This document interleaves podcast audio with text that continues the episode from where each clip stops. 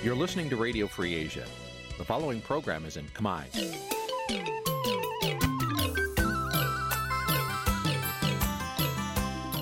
នេះជាកម្មវិធីផ្សាយ Vuthu Azizi Serai នេះជាកម្មវិធីផ្សាយរបស់ Vuthu Azizi Serai ជាភាសាខ្មែរ Vuthu Azizi Serai សូមស្វាគមន៍លោកអ្នកនាងទាំងអស់ពីរដ្ឋធានី Washington នៃសហរដ្ឋអាមេរិក។ ចាប់ពីរដ្ឋធានី Washington នាងខ្ញុំម៉ៃសុធានីសូមជម្រាបសួរលោកអ្នកស្ដាប់ទាំងអស់ជាទីមេត្រី ចាយើងខ្ញុំសូមជូនការផ្សាយសម្រាប់ព្រឹកថ្ងៃសៅរ៍15រោចដាច់ខែកដឹកឆ្នាំឆ្លូវត្រីស័កពុទ្ធសករាជ2565ហើយដល់ត្រូវនៅថ្ងៃទី4ធ្នូគ្រិស្តសករាជ2021ជាដំបូងនេះសូមអញ្ជើញលោកអ្នកនាងកញ្ញាស្ដាប់ព័ត៌មានប្រចាំថ្ងៃដែលមានមេត្តាដូចតទៅ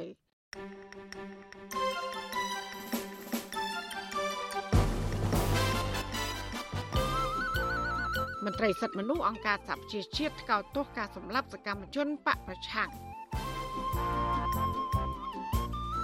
ខ្មែរនៅអូស្ត្រាលីក្រុងស្រង់ឈ្មោះមន្ត្រីពុករលួយឲ្យរដ្ឋាភិបាលអូស្ត្រាលីដាក់ទណ្ឌកម្មលោកសំរងស៊ីថាលោកហ៊ុនសែននឹងជួបឧបសគ្គនៅពេលដែលផ្ទេរអំណាចទៅឲ្យកូន ក្រុមសហជីព Naga World ប្រកាន់ជំហរធ្វើកតកម្មបើសិនជាគ្មានដំណោះស្រាយរួមនឹងព័ត៌មានផ្សេងផ្សេងមួយចំនួនទៀត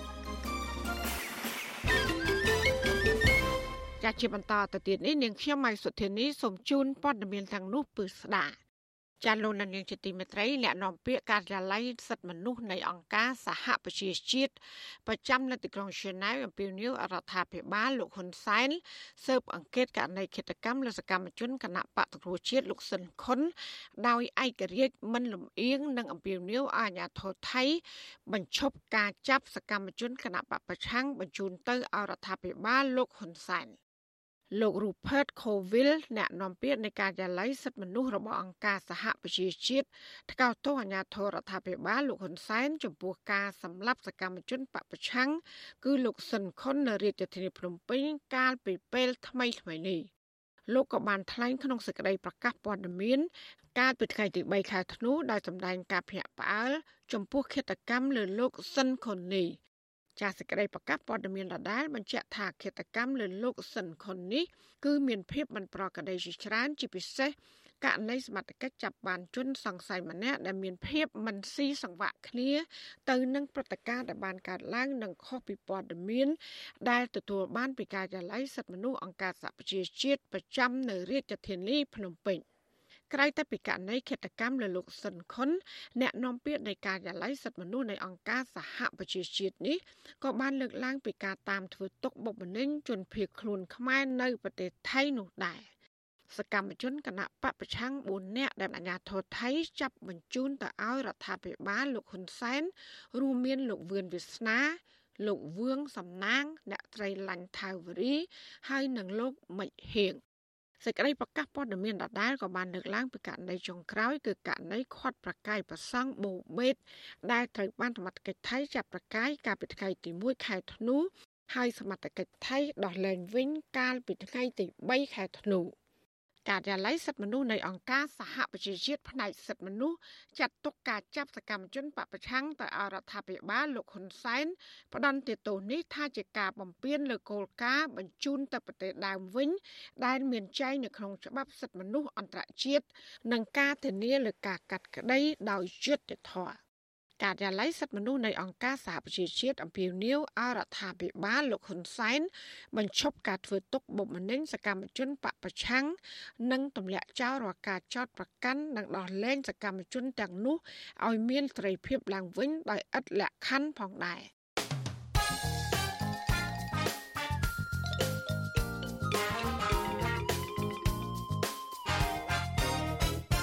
ប្រជាប្រដ្ឋខ្មែរនៅប្រទេសអូស្ត្រាលីស្វាគមន៍និងគាំទ្ររដ្ឋាភិបាលអូស្ត្រាលី ដែលបានអនុម័តច្បាប់ដាក់ទណ្ឌកម្មក្រុមមេដឹកនាំរំលោភសិទ្ធិមនុស្សប្រព្រឹត្តអំពើពុករលួយធ្ងន់ធ្ងរនិងបង្កគ្រោះថ្នាក់ដល់ពិភពលោកទោះជាយ៉ាងណាអ្នកនាំពាក្យគណៈបកកាន់អំណាចកថាច្បាប់នេះ គឺមិនប៉ះពាល់ដល់មេដឹកនាំឬក៏មន្ត្រីកម្ពុជានោះឡើយជាប្រធានាធិបតី Washington លោកលេងម៉ាលីរីកាព័ត៌មាននេះ ខ្មែរនៅអូស្ត្រាលីរំពឹងថាមេដឹកនាំកម្ពុជាមួយចំនួនដែលបានរំលោភសិទ្ធិមនុស្សប្រព្រឹត្តអំពើពុករលួយធ្ងន់ធ្ងរនឹងត្រូវរដ្ឋាភិបាលប្រទេសអូស្ត្រាលីបង្កកទ្រព្យសម្បត្តិនិងហាមឃាត់មិនឲ្យចូលប្រទេសនេះជាដើមអតីតចៅហ្វាយក្រុងដែនដណុងនិងជាប្រធានសមាគមមួយនៅប្រទេសអូស្ត្រាលីលោកជាយូហនឲ្យវិទ្យុអស៊ីសេរីដឹងនៅថ្ងៃទី3ធ្នូថា សហគមន៍ខ្មែរនៅអូស្ត្រាលីគាំទ្ររដ្ឋាភិបាលអូស្ត្រាលីដែលបានធ្វើច្បាប់ដាក់ទណ្ឌកម្មមេដឹកនាំដែលរំលោភសិទ្ធិមនុស្សរដ្ឋាភិបាលអូស្ត្រាលីមិនទាន់បញ្ចេញឈ្មោះមេដឹកនាំរូបណាខ្លះដែលត្រូវទទួលរងទណ្ឌកម្មនេះទេក្រោយការប្រកាសដាក់ឲ្យប្រើប្រាស់ច្បាប់ថ្មីនេះលោកថាមេដឹកនាំកម្ពុជាប្រទេសកម្ពុជាដូចជាលោកហ៊ុនសែនលោកសខេងនិងលោកទាបាញ់អាចនឹងមានឈ្មោះក្នុងបញ្ជីនោះ ខ្ញុំយល់ឃើញថាច្បាប់នេះគឺជាច្បាប់មួយល្អសម្រាប់ឲ្យអ្នកដែលធ្វើការនៅប្រទេសកម្ពុជាយើងហ្នឹងមានការគោរពគឺថាមិនហ៊ានផ្កើនមិនហ៊ានរំលោភខ្លាំងពេកទៅលើប្រជាពលរដ្ឋនឹងបាទដូច្នេះបើកាលណាមានដាក់ដូច្នេះទៅគឺជាការមួយល្អណាស់ហើយប្រជាជនខ្មែរអូស្ត្រាលីនៅទីនេះគឺមានការគ្រប់គ្រងទាំងស្រុង ស្រដៀងគ្នានេះដែរប្រធានគណៈបកសង្គ្រោះជាតិនៅក្រៅប្រទេសលោកម៉ែនវណ្ណាឲ្យដឹងថាមេដឹកនាំនិងមន្ត្រីកម្ពុជាមួយចំនួន បានយកលុយខ្មៅនិងទ្រព្យសម្បត្តិដែលបានពីការរំលោភសិទ្ធិមនុស្សមករកស៊ីទិញដីទិញផ្ទះនៅប្រទេសអូស្ត្រាលីដូច្នេះលោករំពឹងថារដ្ឋាភិបាលអូស្ត្រាលីនឹងដាក់ទណ្ឌកម្មលើអ្នកទាំងនោះ ការមួយដែលប្រជាពលរដ្ឋយើងគាត់មានសង្ឃឹមច្រើនដោយសារអីដោយសារទប់ស្កាត់កុំឲ្យមនុស្សខូចកុំឲ្យមនុស្សដែលមានគំនិតបំផ្លាញជាតិរបស់ឯងដែលធ្វើបាបប្រជាពលរដ្ឋនឹងកុំឲ្យគាត់គេហៅដើរហួសបញ្ចប់ភ្លើងក្រហមអាចទប់គាត់បាន អាចថយគាត់បានឬក៏រដ្ឋាភិបាលអូស្ត្រាលីកាលពីថ្ងៃទី2ខែធ្នូបានធ្វើវិសោធនកម្មលើច្បាប់ចាស់ដែលអាចហៅជាខ្មែរបានថា ច្បាប់ដាក់ទណ្ឌកម្មស្វ័យយ័តឆ្នាំ2011ឬហៅជាភាសាអង់គ្លេសថា Autonomous Sanction Act 2011ដើម្បីពង្រីកបែបបទនិងប្រភេទនៃអំពើដែលឈានដល់ការដាក់ទណ្ឌកម្មដូចជាការរីកសាយភាយអាវុធមហាប្រឡាយការរំលោភសិទ្ធិមនុស្សទាំងកំរោលអ ுக ្រិតកម្មតាមប្រព័ន្ធអ៊ីនធឺណិតនិងអំពើពុករលួយធ្ងន់ធ្ងរជាដើមច្បាប់ថ្មីនេះធ្វើឲ្យអូស្ត្រាលីមានសមត្ថភាពដាក់ទណ្ឌកម្មហិរញ្ញវត្ថុនិងហាមឃាត់បុគ្គល និងអង្គភាពទាំងឡាយណាដែលជាប់ពាក់ព័ន្ធនឹងអំពើអក្រិតនិងទុច្ចរិតទាំងនោះមិនឲ្យជន់ទឹកដីអូស្ត្រាលីទោះជននោះបានប្រព្រឹត្តបទល្មើសនៅទីណាក៏ដោយច្បាប់ដាក់ទណ្ឌកម្មនេះជាការចូលរួមនៅក្នុងចលនាសកល Global Magnitsky ដើម្បីប្រឆាំងនឹងក្រុមមេដឹកនាំនិងអ ுக ្រិតជនដែលរំលោភសិទ្ធិមនុស្សធ្ងន់ធ្ងរ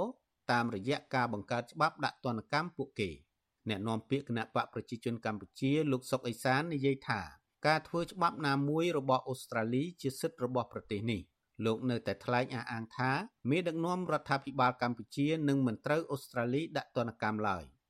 លោកយល់ថាមន្ត្រីឬឈ្មួញកម្ពុជាទៅវិនិយោគនៅប្រទេសអូស្ត្រាលីជាបុគ្គលស្អាតស្អំទើបរដ្ឋាភិបាលប្រទេសនេះអនុញ្ញាតឲ្យអ្នកទាំងនោះរកស៊ីនៅអូស្ត្រាលី។ ហើយចំពោះការមានមតិរបស់ខ្មែរមួយចំនួនដែលរស់នៅអូស្ត្រាលីនោះវាជាការនិយាយតាមចិត្តគាត់បើការនិយាយរបស់គាត់មានប្រសិទ្ធភាពហ្នឹងអូស្ត្រាលីអំបាច់ធ្វើច្បាប់ធ្វើអីអត់មានប្រសិទ្ធភាពទេពីព្រោះអ្នកដែលមានលុយទៅរកស៊ីនៅអូស្ត្រាលី មានការអនុញ្ញាតបានគេរកស៊ីបានបើគ្មានការអនុញ្ញាតពីបីរដ្ឋាភិបាលអូស្ត្រាលីទេមិនគេរកស៊ីបានទោះជាមានការអះអាងបែបនេះរបស់អ្នកនាំពាក្យកាន់អំណាចក្តី ប៉ុន្តែកន្លងទៅមន្ត្រីជាន់ខ្ពស់កម្ពុជារួមមានកូនប្រសារលោកហ៊ុនសែនគឺលោកឌីវិជាអគ្គនាយកនៃអគ្គនាយកដ្ឋានពន្ធដារគឺលោកគង់វិបុលក្មួយលោកហ៊ុនសែនគឺលោកហ៊ុនតូនិងមន្ត្រីយោធាផ្សេងទៀតបានប្រព្រឹត្តអំពើពុករលួយយកលុយរាប់លានដុល្លារទៅទិញដីទិញផ្ទះនិងបើកក្រុមហ៊ុននៅប្រទេសអូស្ត្រាលីប្រធានសមាគមខ្មែរនៅអូស្ត្រាលីលោកជាយូហនឲ្យដឹងថាពេលនេះក្រុមការងារលោករួមមានមេធាវី សមាជិកសភា និងតំណាងសមាគមនៅតាមរដ្ឋនានានៃប្រទេសអូស្ត្រាលី កំពុងស្រង់បញ្ជីឈ្មោះមេដឹកនាំនិងមន្ត្រីបញ្ជូនទៅរដ្ឋាភិបាលអូស្ត្រាលី ដើម្បីស្នើឲ្យដាក់ទណ្ឌកម្មអ្នកទាំងនោះខ្ញុំបាទលេងម៉ាលី With you Assisary រាយការណ៍ពីរដ្ឋធានី Washington ចាលោកនានីជាទីមេត្រីតកតងនឹងផែនការរបស់លោកនាយករដ្ឋមន្ត្រីហ៊ុនសែនដែលចង់ផ្ទេរអំណាចឲ្យកូនប្រុសច្បងនេះប្រជាប្រដ្ឋមួយចំនួនបញ្ចេញទស្សនៈផ្សេងផ្សេងគ្នាជុំវិញបេក្ខភាពរបស់លោកហ៊ុនម៉ាណែតជានាយករដ្ឋមន្ត្រីចាពួកគាត់មិនរំពឹងថាលោកហ៊ុនម៉ាណែតក្លាយជាមេដឹកនាំល្អនឹងធ្វើឲ្យកម្ពុជា មានលទ្ធិប្រជាធិបតេយ្យនិងការគោរពសិទ្ធិមនុស្សពេញលេញនោះទេចាអ្នកស្រីខែសំណងមានសេចក្តីរាយការណ៍ពិស្ដាអំពីរឿងនេះ ប្រជាពលរដ្ឋមួយចំនួននិងមន្ត្រីបកប្រឆាំងលើកឡើងស្របគ្នាថាកូនប្រុសច្បងលោកនាយករដ្ឋមន្ត្រីហ៊ុនសែនគឺលោកហ៊ុនម៉ាណែតមានចរិតផ្ដាច់ការមិនខុសពីឪពុករបស់លោកនោះទេបើទោះបីជាលោកបានរៀនសូត្រខ្ពង់ខ្ពស់នៅប្រទេសមហាអំណាចប្រជាធិបតេយ្យក្តីពលរដ្ឋមួយរូបរស់នៅខេត្តត្បូងឃ្មុំថ្លែងថាលោកហ៊ុនម៉ាណែតគ្មានសមត្ថភាពគ្រប់គ្រាន់នោះទេ ទើបលោកហ៊ុនសែនខំជួយជ្រោមជ្រែងលោកបន្តថាប្រសិនបើមានការបោះឆ្នោតដោយសេរីត្រឹមត្រូវនឹងយុត្តិធម៌គឺកូនប្រុសច្បងលោកនាយករដ្ឋមន្ត្រីរូបនេះទំនងជាមិនអាចប្រកួតប្រជែងយកតំណែងកម្ពុជានេះបានទេព្រោះលោកមានស្នាដៃនិងប្រជាប្រិយភាពតិចតួចនៅឡើយសញ្ញាបត្រនោះគ្រាន់តែជាការអួតអាងឬក៏ជាការឈូអញ្ចឹងសម្រាប់បង្ហាញគេអ្នកផ្សេងផ្សេងថាមានសញ្ញាបត្រពីអាមេរិកពីប្រទេសមហាអំណាចពីប្រទេស ជាតិប្រទេសតែការអនុវត្តរបស់គាត់ការដឹកនាំរបស់គាត់បែបផ្ដាច់ការឬក៏បែបពុកតកូនហ្នឹងគឺវានៅតែដដែលហ្នឹងលពុកមិនគឺកូនអញ្ចឹងអ្វីដែលគាត់សម្គាល់យើងឃើញគាត់ក៏ឋានៈរៀងខ្ពង់ខ្ពស់ហើយក៏ជាកូននាយករដ្ឋមន្ត្រីមួយទាំងមូលប៉ុន្តែស្គាល់ថារឿងរ៉ាវកើតនៅក្នុងស្រុកខ្មែរណាទំនាស់ដីធ្លីនឹងធ្វើតែមានអ្នកណាដោះស្រាយចេញអត់បានបញ្ចេញសមត្ថភាពអីផងហ្នឹងពលរដ្ឋម្នាក់ទៀតរស់នៅខេត្តស្វាយរៀងថ្លែងថាទោះបីជាលោកហ៊ុនម៉ាណែតទទួលបានការអប់រំខ្ពស់ជាងឪពុករបស់លោកក្តីក៏លោកនៅមិនទាន់បង្ហាញសមត្ថភាពនិងឆន្ទៈធ្វើកំណែទម្រង់ស៊ីជម្រៅដើម្បីឲ្យកម្ពុជាដើរលើកន្លងប្រជាធិបតេយ្យនិងគោរពសិទ្ធិមនុស្សនៅឡើយ។ ខ្ញុំគិតថាគាត់មានកំណត់ឬដូចជាទស្សនៈមិនខុសពីឪពុករបស់គាត់ប៉ុន្មានទេ សម្រាប់ការដែលគាត់ដឹកនាំព្រោះយើងមើលនៅអ្នកដែលនៅជុំវិញគាត់ជាពិសេសយុវជនជំនាន់ក្រោយហ្នឹងសិតតែអ្នកដែលអែបអបដើម្បីត្រៀមនឹងទទួលទូនាទីអ្វីមួយនៅពេលដែលគាត់ឡើងកាន់ជានាយករដ្ឋមន្ត្រីជាមួយគ្នានេះ មន្ត្រីសម្របសម្រួលគម្រោងនៃសមាគមបណ្ដាញយុវជនកម្ពុជាហៅកាត់ថា CYN លោកអូតឡាទីនសំណូមពរថាប្រសិនបើលោកហ៊ុនម៉ាណែតស្នងតំណែងពីឪពុកមែនលោកត្រូវបើកចិត្តឲ្យទូលាយទទួលយកមតិយោបល់ចម្រុះពីគ្រប់ភាគីពាក់ព័ន្ធនិងគិតផលប្រយោជន៍ជាតិជាធំលោកក៏ស្នើឲ្យអ្នកនយោបាយចំនួនថ្មីរបស់បកកាន់អំណាចមានភាពក្លាហានក្នុងការប្រកួតប្រជែងការបោះឆ្នោតដោយសេរីត្រឹមត្រូវនិងយុត្តិធម៌ដែរ។ បើសិនជាយើងនិយាយអំពីសមិទ្ធផលមួយចំនួនហាក់បីដូចជាមិនទាន់ឃើញមានសមិទ្ធផលអីមួយចំនួនក្រៅអំពីយុទ្ធនាការពាក់ព័ន្ធជាមួយនឹងបញ្ហា COVID-19 ទេហើយពាក់ព័ន្ធជាមួយនឹងការទទួលយកនៅមតិយោបល់ឬក៏ការបង្ហាញអំពីការធ្វើនយោបាយបែបថ្មីដែលទទួលយកពហុយោបល់ពហុគំនិតពីគ្រប់ភាគីពាក់ព័ន្ធនឹងហាក់បីដូចជាមិនទាន់បង្ហាញចេញមកខាងក្រៅទេគ្រាន់តែអ្វីដែលគាត់ធ្វើឬក៏ផ្សព្វផ្សាយកន្លងទៅជាការយល់ឃើញរបស់ខ្ញុំខ្ញុំគិតថាហាក់បីដូចជាមិនសូវជាខុសគ្នាពីពីអ្នកនយោបាយចំនួនចាស់ទេប្រតិកម្មរបស់ប្រជាពលរដ្ឋបែបនេះធ្វើឡើងបន្ទាប់ពីលោកនាយករដ្ឋមន្ត្រីហ៊ុនសែនកាលពីថ្ងៃទី2ធ្នូបានប្រកាសគាំទ្រកូនប្រុសច្បងរបស់លោកពេញទំហឹងឲ្យស្នងតំណែងនាយករដ្ឋមន្ត្រីបន្តពីលោកលោកថែមទាំងនិយាយអាកាត់តែម្នាក់ឯងថារដ្ឋមន្ត្រីក្រសួងមហាផ្ទៃនិងជាអនុប្រធានបកលោកសខេង រដ្ឋមន្ត្រីការពារជាតិលោកទាបាញ់និងអបនាយករដ្ឋមន្ត្រីលោកយឹមឆៃលីមិនអាចធ្វើជានាយករដ្ឋមន្ត្រីបានទេព្រោះមានវ័យចំណាស់ដោយលោកដែរប្រកាសថ្ងៃនេះឲ្យច្បាស់កុំឲ្យវាប្របាក់វិភាគព្រោះវានៅបិទបាំងបិទបាំងចុះឡើងចឹងឥឡូវអនាគតនៅពេលក្រោយហ៊ុនសែនហ៊ុនម៉ាណែតមួយ ជាបេក្ខភាពក្នុងចំណោមបេក្ខភាពនាយករដ្ឋមន្ត្រីមិនមែនតែម្នាក់ទេប៉ុន្តែបានទទួលការគ្រប់គ្រងពីឪវាពេញលេញគឺហ៊ុនសែនមើលឲ្យធ្វើអញអញសួរឲ្យ ហើយហើយធ្វើអញហើយយើហើយយើវាចេញមកហ៊ុនសែនវាមានថ្ងៃងាប់ថ្ងៃចាស់ហើយចុះវាមានកូនមិនកុំឲ្យធ្វើបន្តទៅក្រោយការប្រកាសរបស់លោកហ៊ុនសែននេះក្រុមអ្នកដែលទទួលផលប្រយោជន៍ឬក្រុមរណបលោកនិងក្រុមអ្នកមានអំណាចក្រាក់ក្រាក់មួយចំនួនក្នុងគណៈបកប្រជាជនកម្ពុជាក៏ចាប់ផ្ដើមចេញសារគាំទ្របេក្ខភាពលោកហ៊ុនម៉ាណែតជានាយករដ្ឋមន្ត្រីជាបន្តបន្ទាប់ទោះជាយ៉ាងណា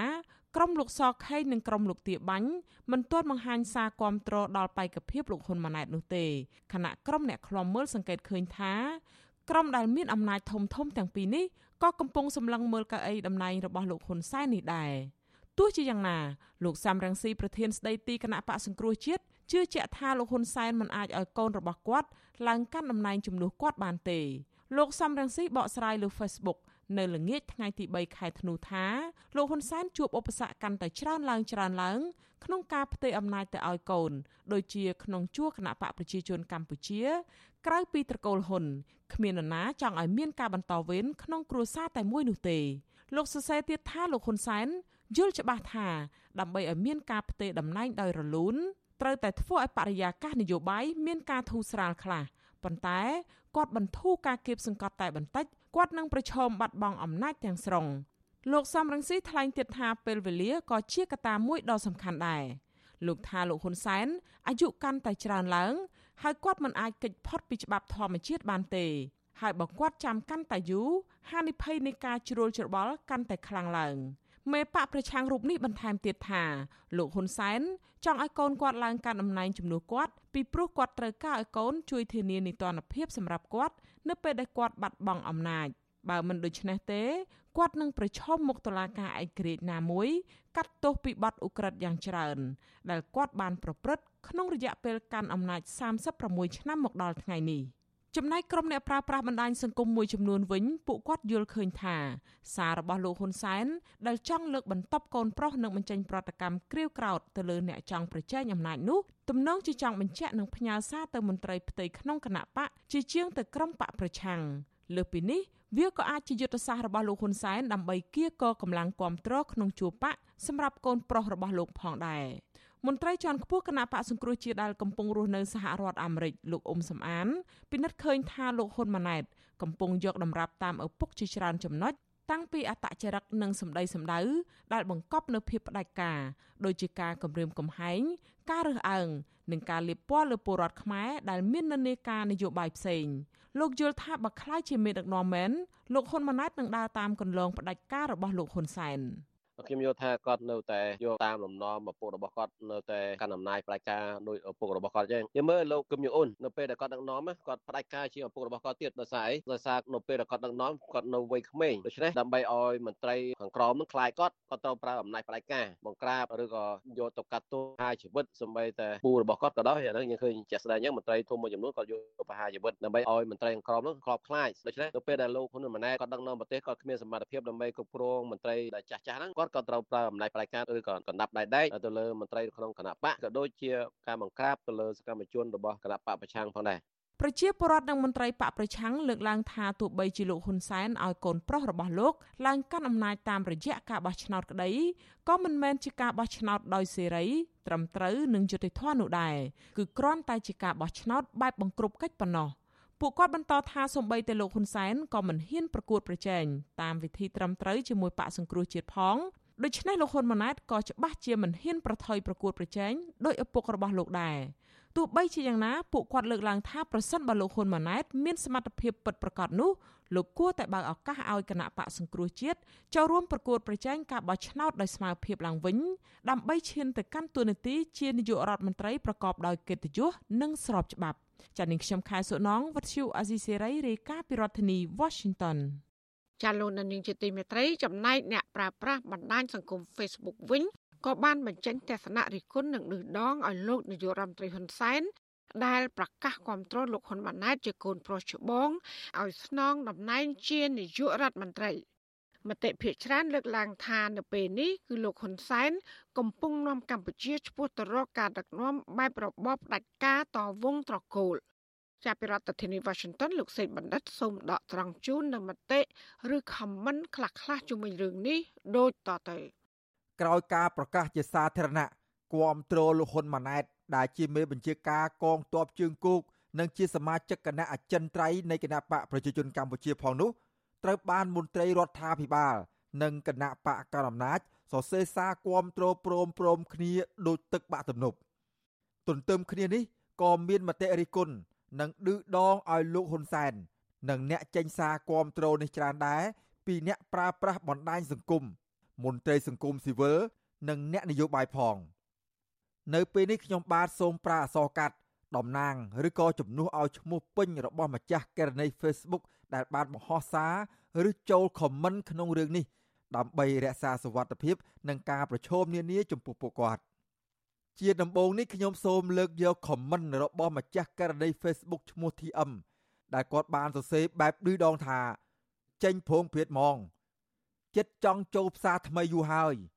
តែពូប្រឹងជិះវៀងកុងកែវទៅដល់ប៉ោយប៉ែតអូស្មាច់មណ្ឌលគិរីរតនគិរីក្រចេះស្ទឹងត្រែងធ្វើមើលតែគេមិនដឹងរីឯម្ចាស់ករណី Facebook ម្នាក់ទៀតឈ្មោះ GA គាត់ទំនងជាយល់ចិត្តដល់អ្នកដែលប្រជែងគ្នាចេញសារគាំទ្រលោកហ៊ុនសែននិងកូនប្រុសច្បងរបស់លោកគឺលោកហ៊ុនម៉ាណែត GA ថាអញ្ចេះល្បិចពុសែនពីណាមិនចេញសារគាំទ្រ អាហ្នឹងហើយម្ចាស់ករណី Facebook ម្នាក់ទៀតឈ្មោះ ML បានចូលខមមិននៅពេលដែលលោកហ៊ុនសែនថ្លែងសារនយោបាយ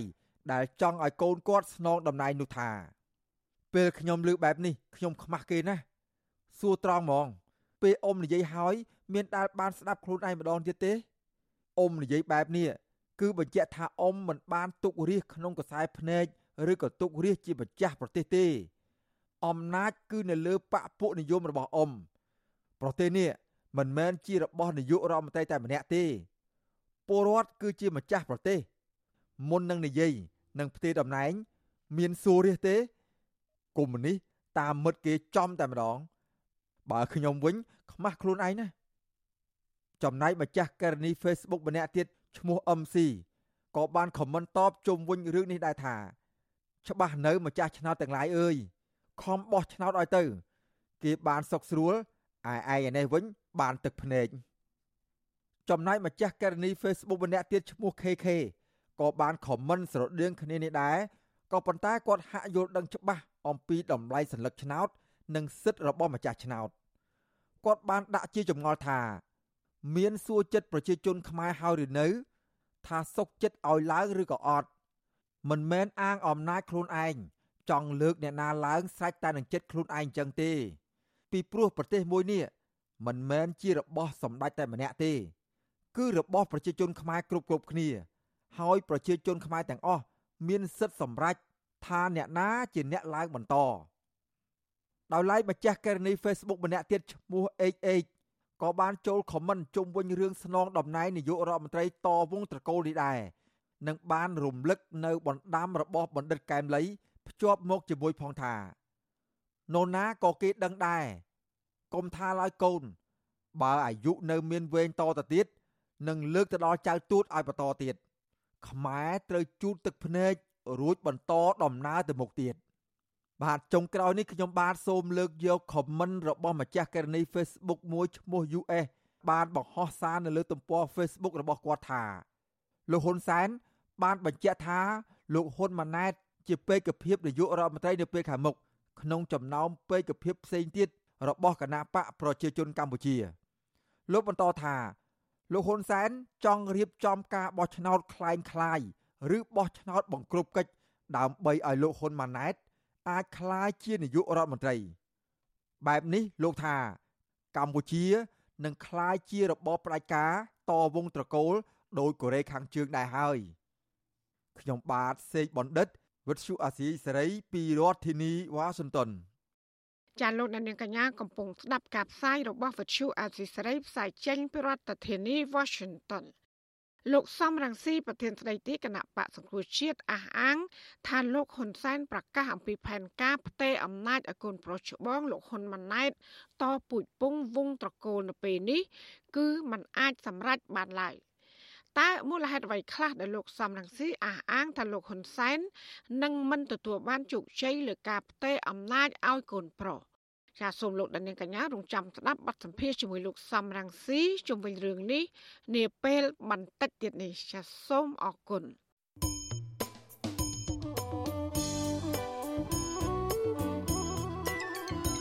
លោកអ្នកនាងកញ្ញាកំពុងស្ដាប់ការផ្សាយរបស់វិទ្យុអាស៊ីស្រីផ្សាយចេញពីរដ្ឋធានី Washington ចាវិទ្យុអសីស្រីផ្សាយតាមរលកធាតុអាកាសខ្លីឬ short wave តាមកម្រិតនិងកម្ពស់ដូចតទៅ ពេលព្រឹកចាប់ពីម៉ោង5កន្លះដល់ម៉ោង6កន្លះតាមរយៈរលកធាតុអាកាសខ្លី9390 kHz ស្មើនឹងកម្ពស់ 32m ហើយនឹង11850 kHz ស្មើនឹងកម្ពស់ 25m ចាសម្រាប់ពេលយប់វិញចាប់ពីម៉ោង7កន្លះដល់ម៉ោង8កន្លះគឺតាមរយៈរលកធាតុអាកាសខ្លី9390 kHz ស្មើនឹងកម្ពស់ 32m ហើយនឹង15155 kHz ស្មើនឹងកម្ពស់ 20m ចាសសូមអរគុណ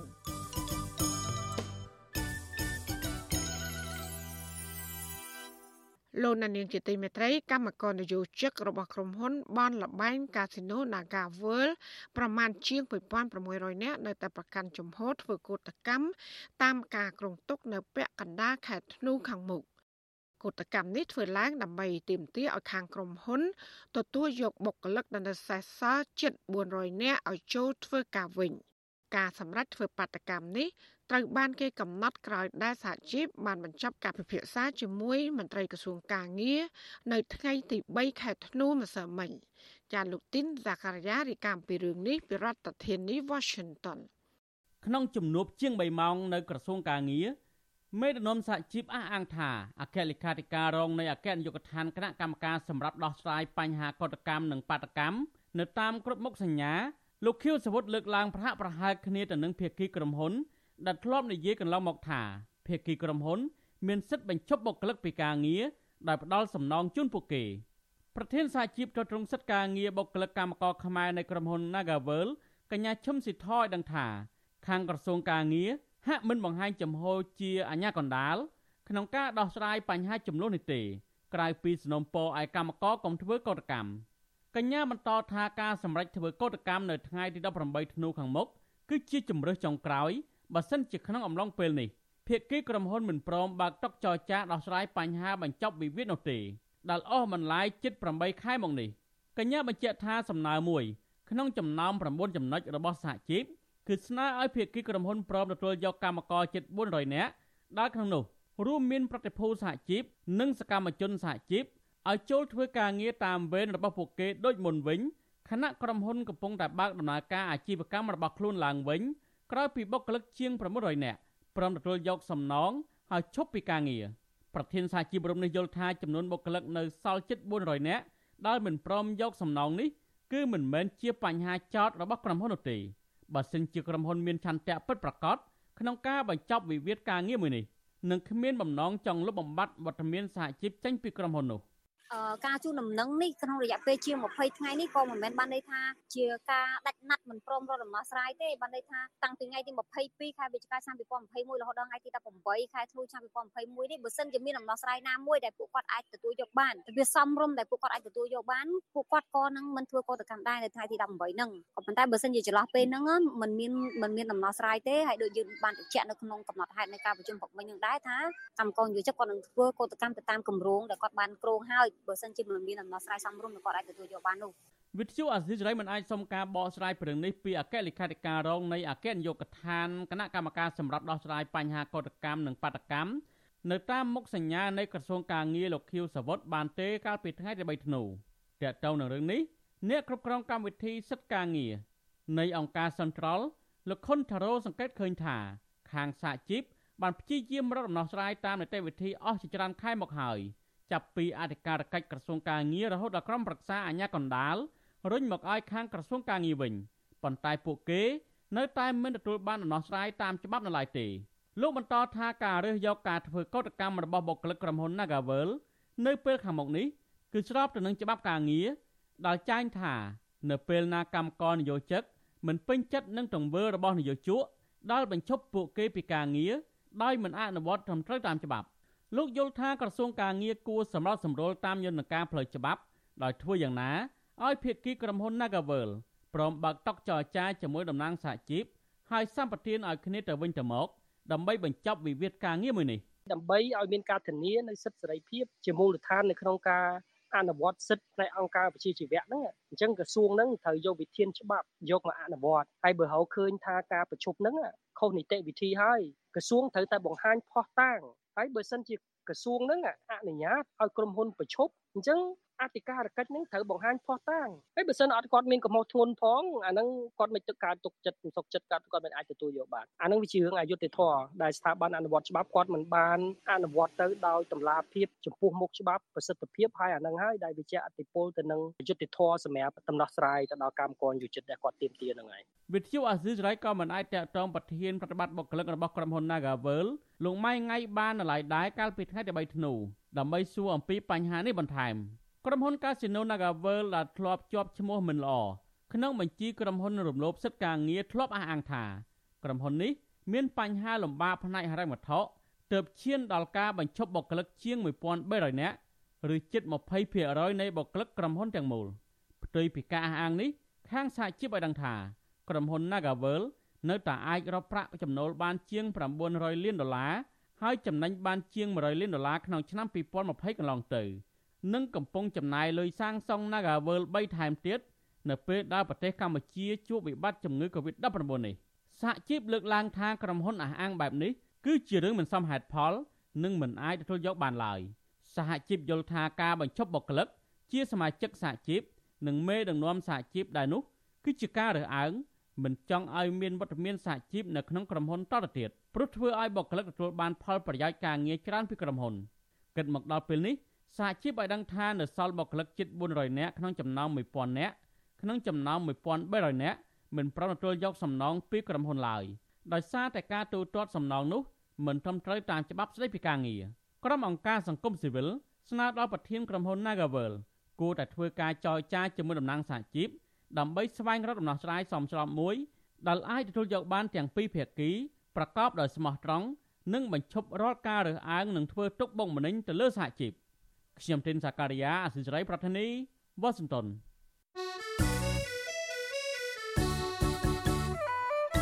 ចាលោកនាងជាទីមេត្រីក្នុងឱកាសនេះដែរនាងខ្ញុំសូមថ្លែងអំណរគុណ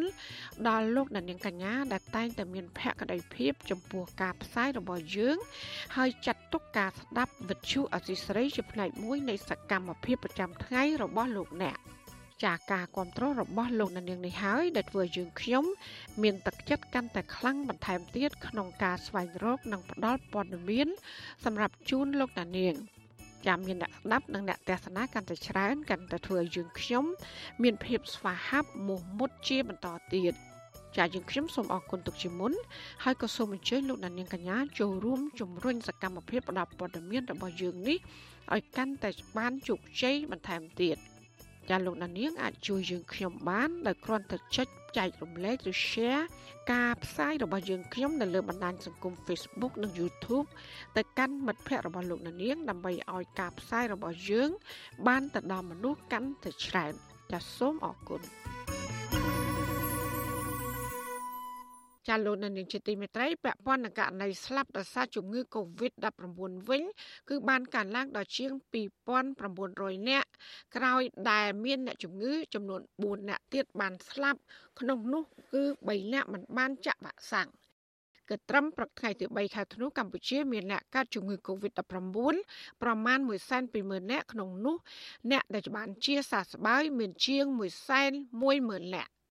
ចាក្រសួងសុខាភិបាលក៏បានប្រកាសថាគិតត្រឹមថ្ងៃទី2ខែធ្នូរដ្ឋាភិបាលបានចាក់វ៉ាក់សាំងជូនប្រជាពលរដ្ឋដែលគ្រប់អាយុបានប្រមាណ10លាននាក់ហើយសម្រាប់ដូសទី1និងជាង9លាន7សែននាក់សម្រាប់ដូសទី2ចំណែកកុមារនិងយុវជនដែលមានអាយុចន្លោះពី5ឆ្នាំដល់17ឆ្នាំវិញក្រសួងក៏បានបញ្ជាក់ថាបានចាក់វ៉ាក់សាំងបានប្រមាណ4លាននាក់ក្នុងចំណោមអ្នកដែលត្រូវចាក់សរុបជាង4លាននាក់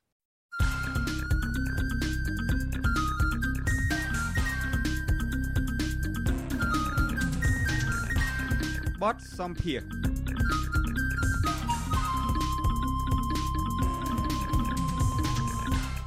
ចាលោកនាងជាទីមេត្រីលោកសំរងស៊ីអះអាង ថាលោកហ៊ុនសែនចង់ផ្ទេរអំណាចឲ្យកូនរបស់លោក ដឹកនាំប្រទេសបន្តនោះ គឺដើម្បីរក្សាការពារត្រកូលហ៊ុនឲ្យនៅគង់វង្សផង និងចង់រក្សាទ្រព្យសម្បត្តិមហាសាលរបស់ក្រុមគ្រួសារនេះផង ចាទោះជាយ៉ាងណាលោកសំរងស៊ីលើកឡើងថាផែនការរបស់លោកហ៊ុនសែននឹងមិនទទួលបានជោគជ័យដោយបំណងនោះឡើយ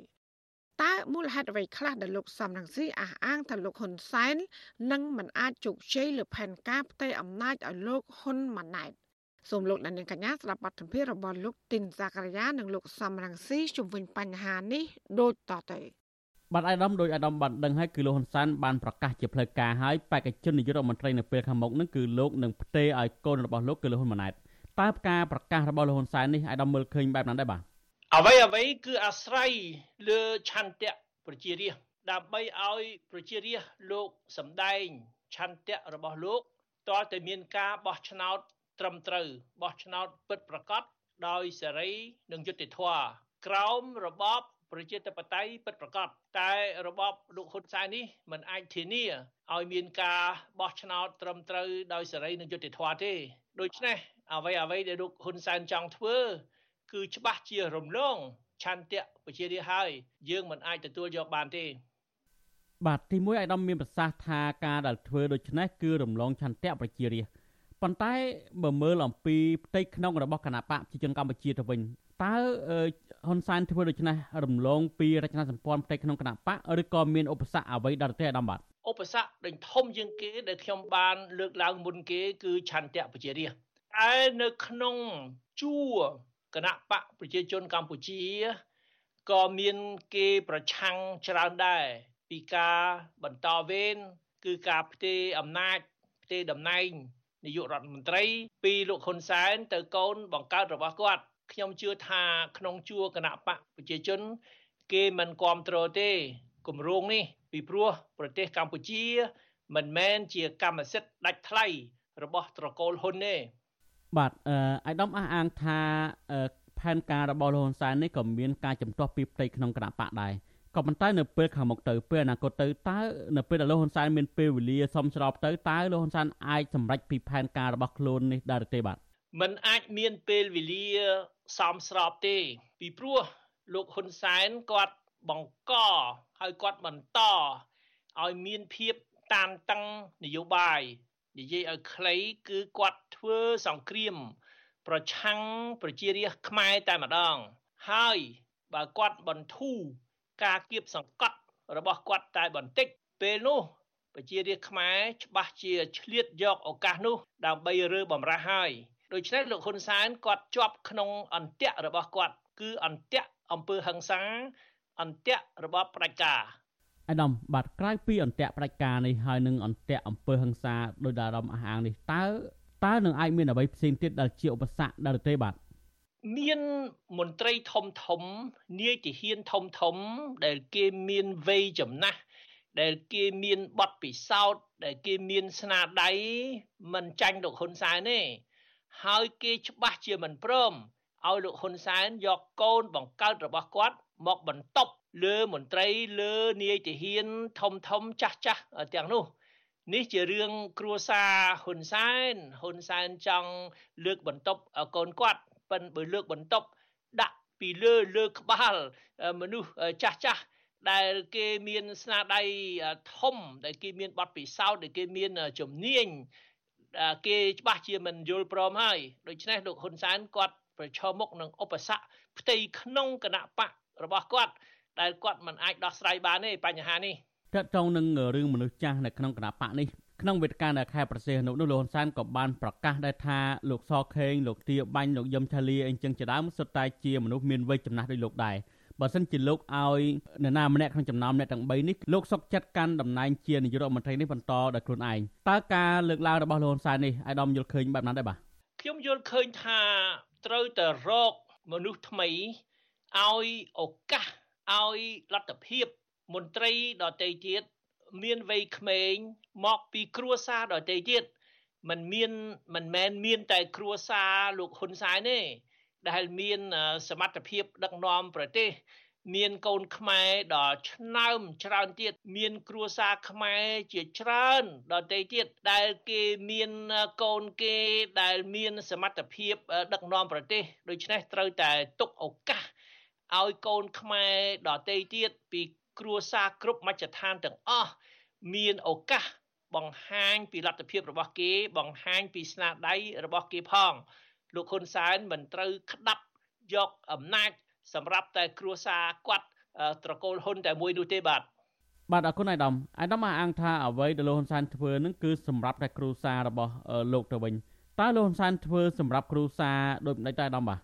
លើសពីទ្រព្យសម្បត្តិទៅទៀតអ្វីដែលលោកហ៊ុនសែនចង់ឲ្យកូនគាត់មកការពារគឺនិទានភាពលោកហ៊ុនសែនគាត់ដឹងច្បាស់ថាពេលណាគាត់បាត់បង់អំណាច គាត់អាចនឹងប្រឈមមុខប្រឈមតឡាការឯករាជ្យណាមួយ ដែលនឹងយកគាត់ទៅកាត់ទោសពីព្រោះគាត់បាន ប្រព្រឹត្តបទអូក្រិដ្ឋជាច្រើន ក្នុងរយៈពេល36ឆ្នាំ ដែលគាត់បានកាន់អំណាចតាមរបៀបផ្ដាច់ការដូច្នេះគាត់ភ័យណាស់អារឿងគាត់បាត់បង់តំណែងពេលណា គេយកគាត់ទៅកាត់ទោសពេលនោះ ខ្ញុំចាំលោកហ៊ុនសែនកាលពី5 6ឆ្នាំមុនគាត់បាននិយាយជាមួយខ្ញុំផ្ទាល់គាត់ថាយើងត្រូវតែបញ្ចប់វប្បធម៌ទឹកឡើងស្រមោចស៊ីត្រី ទឹកហោចត្រីស៊ីស្រមោចគាត់ចង់និយាយថាទឹកឡើងនឹងពេលដែលគាត់មានអំណាចត្រីនឹងគឺគាត់ ស៊ីស្រមោចស្រមោចនឹងគឺប្រជារាស្ត្រតូចតាចប្រជារាស្ត្រស្លូតត្រង់គាត់ស៊ីតាមចិត្តគឺថាគាត់ធ្វើបាបតាមចិត្តតែទៅទឹកហោចមានន័យថាពេលណាគាត់បាត់បង់អំណាចពេលនោះគឺស្រមោចឡើងមកស៊ីត្រីហើយគឺថាពេលនោះគឺមានសារច្បាស់ជានឹងមានការសងសឹកមកលើរូបគាត់ដែលគាត់ធ្លាប់ធ្វើបាបប្រជារាស្ត្ររាប់សិបឆ្នាំអញ្ចឹងហើយបើគាត់ភ័យណាស់ មធ្យោបាយការពារខ្លួនគាត់ មានតែលើកកូនគាត់ឲ្យកូនគាត់មានអំណាចមកកាន់តំណែងជំនួសគាត់ដើម្បីការពារគាត់កុំឲ្យគេយកគាត់ទៅកាត់ទោសតែរឿងនេះជារឿងហ៊ុនសែនផ្ទាល់ខ្លួន ជារឿងក្រុមគ្រួសារហ៊ុនសែនតែគ្រួសារមួយហ្នឹងអ្នកដទៃទៀតគេអត់មានកង្វល់ដោយហ៊ុនសែនទេដូច្នេះគេត្រូវបើកចំហលទ្ធភាពឲ្យកូនខ្មែរដែលមានសមត្ថភាពទាំងអស់មិនមែនមានតែកូនហ៊ុនសែនមួយទេដែលមានសមត្ថភាព បាទអាដាមមានប្រសាសន៍ថាអ្វីដែលលោកហ៊ុនសែនធ្វើនេះគឺជារឿងផ្ទាល់ខ្លួនរឿងក្រុមគ្រួសាររបស់លោកហ៊ុនសែនក៏ប៉ុន្តែក្រោយពីលោកហ៊ុនសែនប្រកាសពីបេក្ខភាពនាយករដ្ឋមន្ត្រីដែលនឹងផ្ទេរឲ្យលោកហ៊ុនម៉ាណែតនេះឃើញថាមានមន្ត្រីនៅក្នុងរដ្ឋាភិបាលរបស់លោកនឹងគឺបានចេញញត្តិគាំទ្រតាមបណ្ដាញសារព័ត៌មានដែលគាំទ្រលោកហ៊ុនសែននឹងជាបន្តបន្ទាប់តើការដែលចេញសារគាំទ្របែបនេះអាដាមមើលឃើញបែបណាដែរបាទអូយលោកហ៊ុនសែនពូកែតែសម្លុតគេហ្នឹង គាត់ថាអីហ្នឹងត្រូវតែអ្នកដតីទៀតបន្តថាតាមគាត់ដើម្បីបង្ហាញថាគេគ្រប់គ្រងគាត់តែក្នុងចិត្តសម័យខ្លួនក្នុងចិត្តមនុស្សម្នាក់ម្នាក់គេធ្វើនេះដោយគេភ័យខ្លាចភ័យខ្លាចលោកហ៊ុនសែនដាក់ទណ្ឌកម្មមកលើពួកគេដូច្នេះប៉ុន្តែអាការធ្វើបែបនេះវាគ្មានប្រយោជន៍វាគ្មានប្រសិទ្ធភាពទេថ្ងៃណាមួយបើគេមានឱកាស គេច្បាស់ជាបញ្ចេញយោបល់របស់គេ គឺគេមិនចង់ឲ្យត្រកូលហ៊ុនសែនចាប់យកប្រទេសកម្ពុជាដូចជាកម្មសិទ្ធិផ្ទាល់ខ្លួនកម្មសិទ្ធិឯកជន របស់ត្រកូលហ៊ុនទេប្រទេសកម្ពុជាជាប្រទេសរបស់កូនខ្មែរទាំងអស់គ្នា បាទអាយដាមងាកមកមើលពីបុគ្គលរបស់លោកហ៊ុនម៉ាណែតវិញបើសិនជានៅពេលអនាគតលោកហ៊ុនម៉ាណែតបានមានឱកាសដឹកនាំប្រទេសដោយដែលលោកហ៊ុនសែនចង់បាននេះមែន តើលោកហ៊ុនម៉ាណែតអាចមានចក្ខុវិស័យខុសពីលោកឪពុករបស់លោកទេឬក៏លោកហ៊ុនម៉ាណែតដោយពាក្យស្លោកថាស្លឹកឈើមិនជ្រុះឆ្ងាយពីគល់បាទខ្ញុំជឿថាគ្មាននរណាអាចធ្វើដូចលោកហ៊ុនសែនបានទេតាមរបៀបផ្ដាច់ការតាមរបៀបខូខើសម្លុតគេ ពីព្រោះគាត់អត់មានមធ្យោបាយណា ក្រៅពីសម្លុតគេតើតើគាត់សម្លុតគេបានគាត់ក្រាញអំណាចតាមរបៀបផ្ដាច់ការបានលោកហ៊ុនសែន សង្ស័យថាកូនគាត់មិនមានសមត្ថភាពធ្វើដូចគាត់ទេដូច្នេះគឺมันអាចបន្តវេនពីគាត់ទេបើបន្តវេនតើតែធ្វើឲ្យប្រទេសកម្ពុជា មានលទ្ធិប្រជាធិបតេយ្យពិតប្រាកដ ហើយបើមានលទ្ធិប្រជាធិបតេយ្យពិតប្រាកដគឺការមានការប្រកួតប្រជែងដោយចំហដោយទលំទលាយអាហ្នឹងគាត់ភ័យសម្រាប់គាត់គាត់ភ័យខ្លាចគេយកគាត់ទៅកាត់ទោសគាត់ចង់យកកូនគាត់មកការពារគាត់អាហ្នឹងរឿងគាត់ទេតែប្រជារាស្ត្រខ្មែរជាទូទៅគេមិនរវល់គេមិនគិតដូចគាត់ទេបាទអរគុណច្រើនឯកឧត្តមសំរងស៊ីបាទអរគុណជំរាបលាបាទ ចាលោកនាងកញ្ញាទៅបានស្ដាប់បទសម្ភាសន៍របស់លោកទីនហ្សាការីយ៉ានិងលោកសំរងស៊ីអំពីលោកហ៊ុនសែនមិនទទួលបានជោគជ័យលើផែនការផ្ទេរអំណាចឲ្យលោកហ៊ុនម៉ាណែតចាសសូមអរគុណ thank you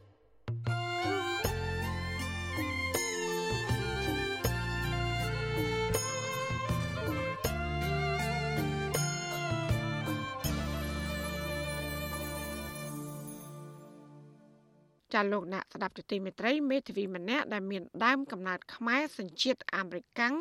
គឺកញ្ញាសេងធីរីបានប្រើយុទ្ធសាស្ត្រតតាំងក្តីក្នុងសវនាការនយោបាយជាលក្ខណៈទ្រង់ទ្រាយធំដើម្បីកន្ត្រាក់អារម្មណ៍ក្រុមមេដឹកនាំពិភពលោកឲ្យងាកមកមើលការដឹកនាំបែបផ្ដាច់ការនៅកម្ពុជា។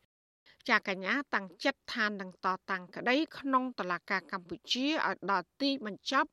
បើទោះជាគ្មានជំនឿថាកញ្ញាអាចឈ្នះនៅសំណុំរឿងក្តីនយោបាយនេះក៏ដោយ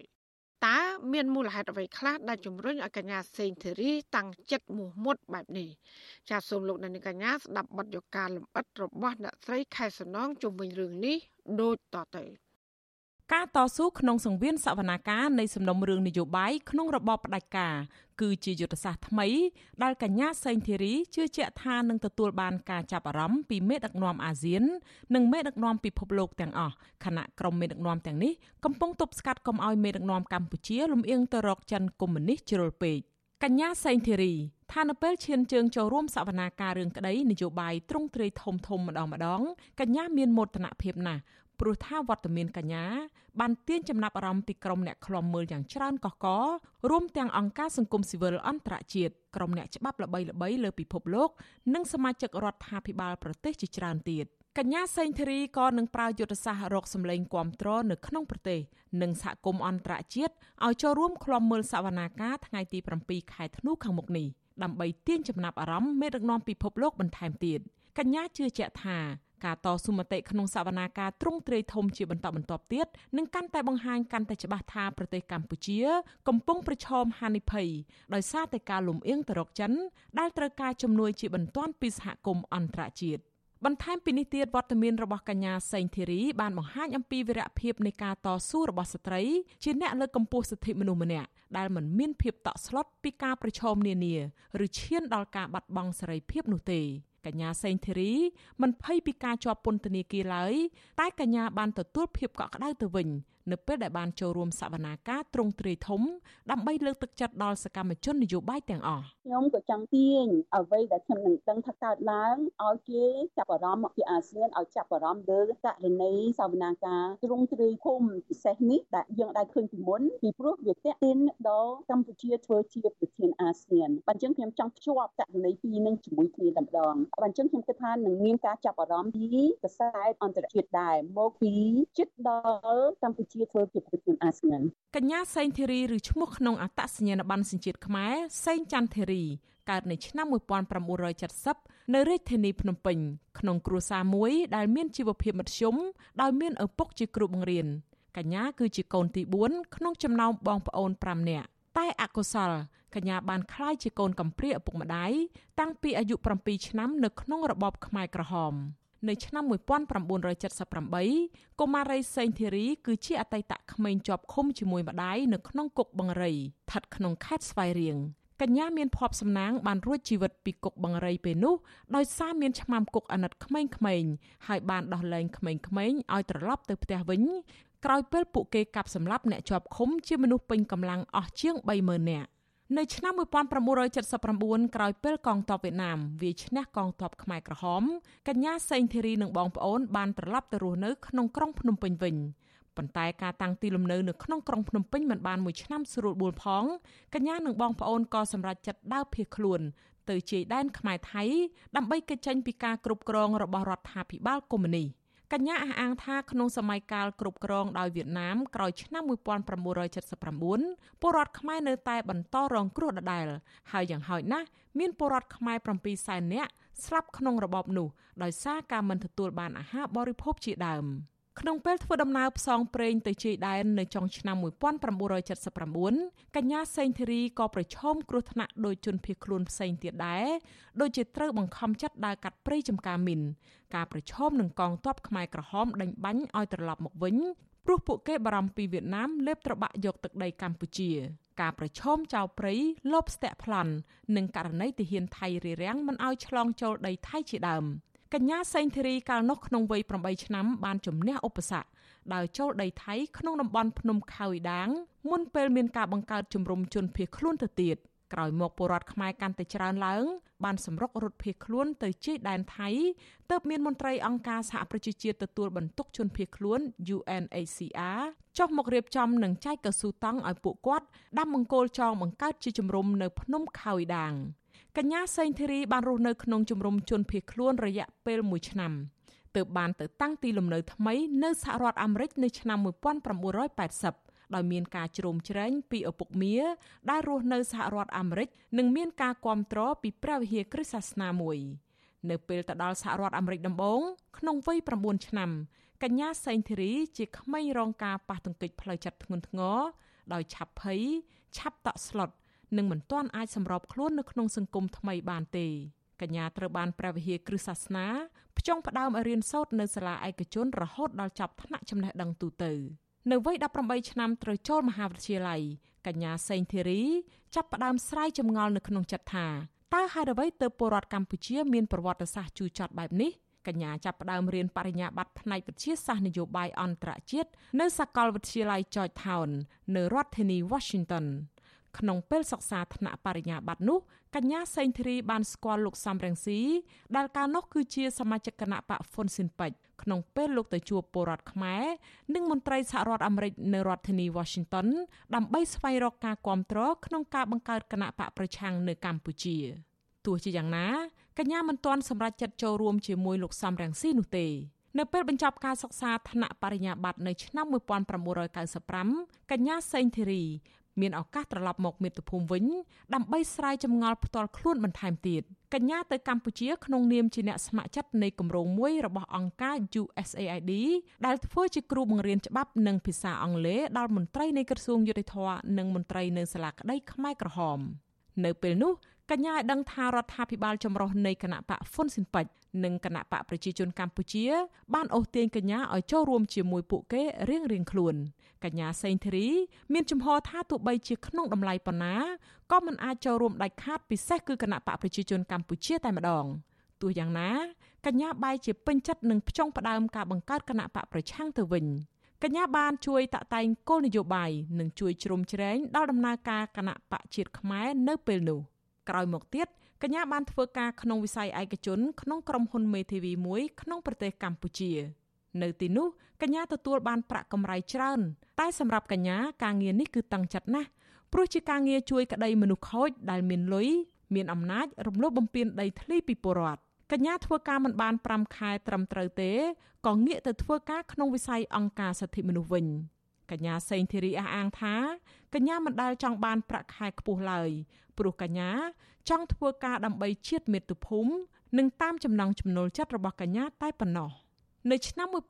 1997មុនរដ្ឋប្រហារថ្ងៃទី6-7កក្កដាកញ្ញាសេងធីរីបានត្រឡប់ទៅសហរដ្ឋអាមេរិកបន្តការសិក្សាថ្នាក់បណ្ឌិត នៅសាកលវិទ្យាល័យ Michigan នៅពេលវិស្សមកាលរាល់ឆ្នាំកញ្ញាតែងតែត្រឡប់ទៅលេងជីដូននៅប្រទេសកម្ពុជា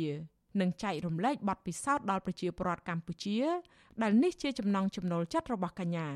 ក្រោយទទួលបានសញ្ញាបត្របណ្ឌិតច្បាប់នៅឆ្នាំ2000កញ្ញាបានប្រឡងជាប់ក្នុងគណៈមេធាវីអន្តរជាតិនៃរដ្ឋញូវយ៉កកញ្ញាត្រូវបានមិត្តភ័ក្តិជំរុញឲ្យធ្វើការងារក្នុងជួររដ្ឋាភិបាលឬក្រុមហ៊ុនឯកជននៅសហរដ្ឋអាមេរិកបានមួយរយៈប៉ុន្តែអ្វីទាំងនេះមិនមែនជាចំណាប់អារម្មណ៍របស់កញ្ញានោះឡើយកញ្ញាសេងធីរីបានត្រឡប់ទៅប្រទេសកម្ពុជាវិញធ្វើការជាអ្នកតស៊ូមតិផ្នែកសិទ្ធិមនុស្ស ដែលពេលនោះកញ្ញាជានាយិកាមជ្ឈមណ្ឌលអភិវឌ្ឍសង្គមដែលធ្វើការងារផ្នែកអប់រំសិទ្ធិដល់ពលរដ្ឋនិងការតស៊ូមតិផ្នែកច្បាប់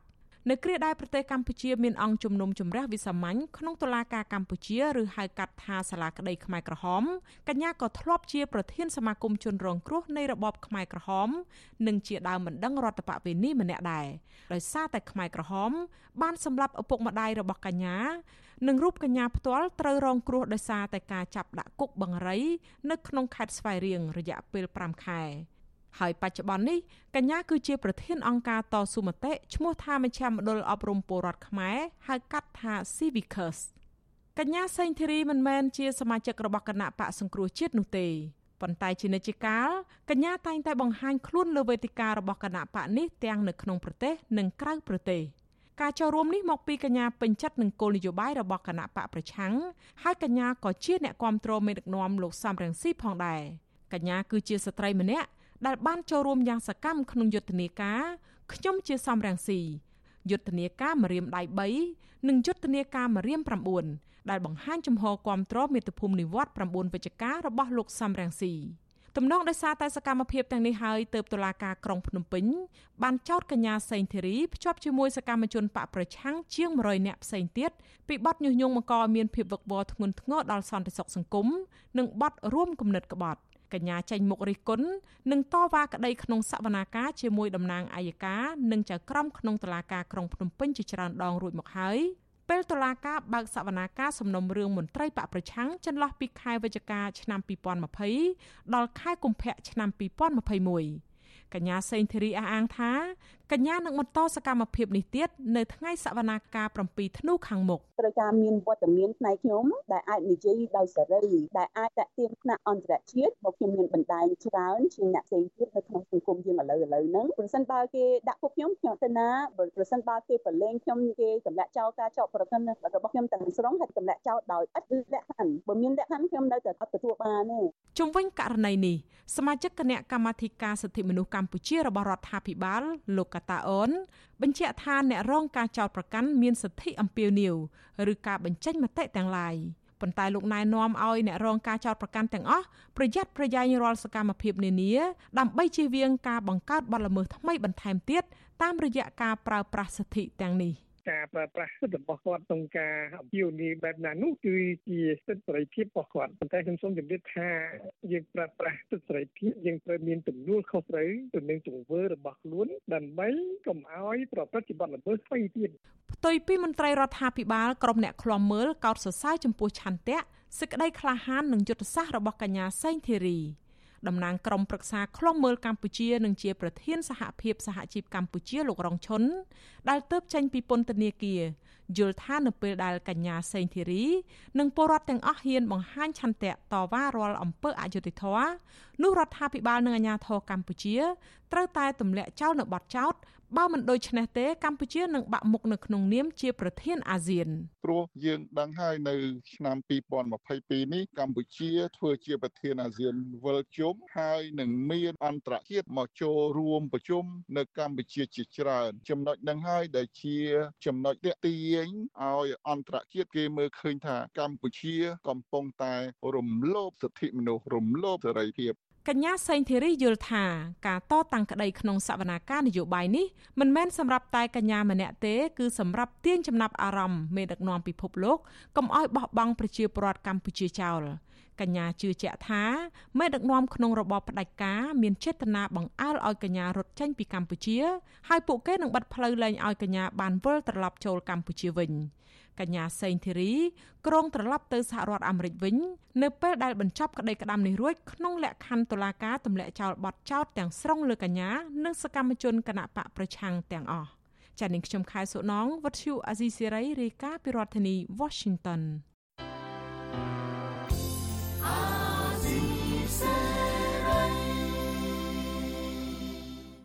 ចាលោកលានាងកញ្ញាអ្នកស្ដាប់ជាទីមេត្រីការផ្សាយរយៈពេល1ម៉ោងរបស់វិទ្យុអាស៊ីស្រីជាភាសាខ្មែរនៅពេលនេះចាប់តែប៉ុណ្ណេះចាយើងខ្ញុំទាំងអស់គ្នាសូមជូនពរលោកលានាងនិងក្រុមគ្រួសារទាំងអស់សូមជួបប្រកបតែនឹងសេចក្តីសុខសេចក្តីចម្រើន ជានិរន្តរ៍ចានាងខ្ញុំម៉ៅសុធានីព្រមទាំងក្រុមការងារទាំងអស់របស់អាស៊ីស្រីសូមអរគុណនិងសូមជម្រាបលា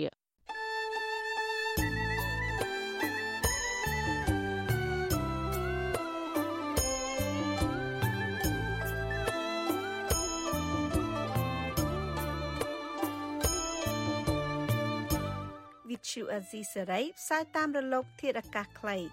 ឬ short wave តាមកម្រិតនិងកម្ពស់ដូចតទៅនេះពេលព្រឹកចាប់ពីម៉ោង5កន្លះដល់ម៉ោង6កន្លះតាមរយៈរលកធាតុអាកាសខ្លី9390 kHz ស្មើនឹងកម្ពស់ 32m និង11850 kHz ស្មើនឹងកម្ពស់ 25m ពេលយប់ចាប់ពីម៉ោង7កន្លះដល់ម៉ោង8កន្លះតាមរយៈរលកធាតុអាកាសខ្លី 9390 kHz ស្មើនឹងកម្ពស់ 32m និង15155 kHz ស្មើនឹងកម្ពស់ 20m លោកអ្នកនាងក៏អាចស្ដាប់ការផ្សាយផ្ទាល់តាមប្រព័ន្ធអ៊ីនធឺណិតដោយចូលទៅកាន់គេហទំព័រ www.rfa.org/ ខ្មែរក្រៅពីនេះលោកអ្នកនាងក៏អាចអាននិងទស្សនាព័ត៌មានវិទ្យុអេស៊ីសេរីលើទូរស័ព្ទដៃរបស់លោកអ្នកផ្ទាល់ សូមលោកអ្នកនាងចូលទៅកាន់បណ្ដាញសង្គម Facebook ដែលមានអាសយដ្ឋាន www.facebook.com/rfa.cambodia និង YouTube www.youtube.com/rfa ខ្មែរ video សូមលោកអ្នកនាងចុច like និងចុច subscribe ដើម្បីទទួលបានព័ត៌មានថ្មីៗទាន់ហេតុការណ៍និងទស្សនាវីដេអូផ្សេងៗទៀតបានគ្រប់ពេលវេលា។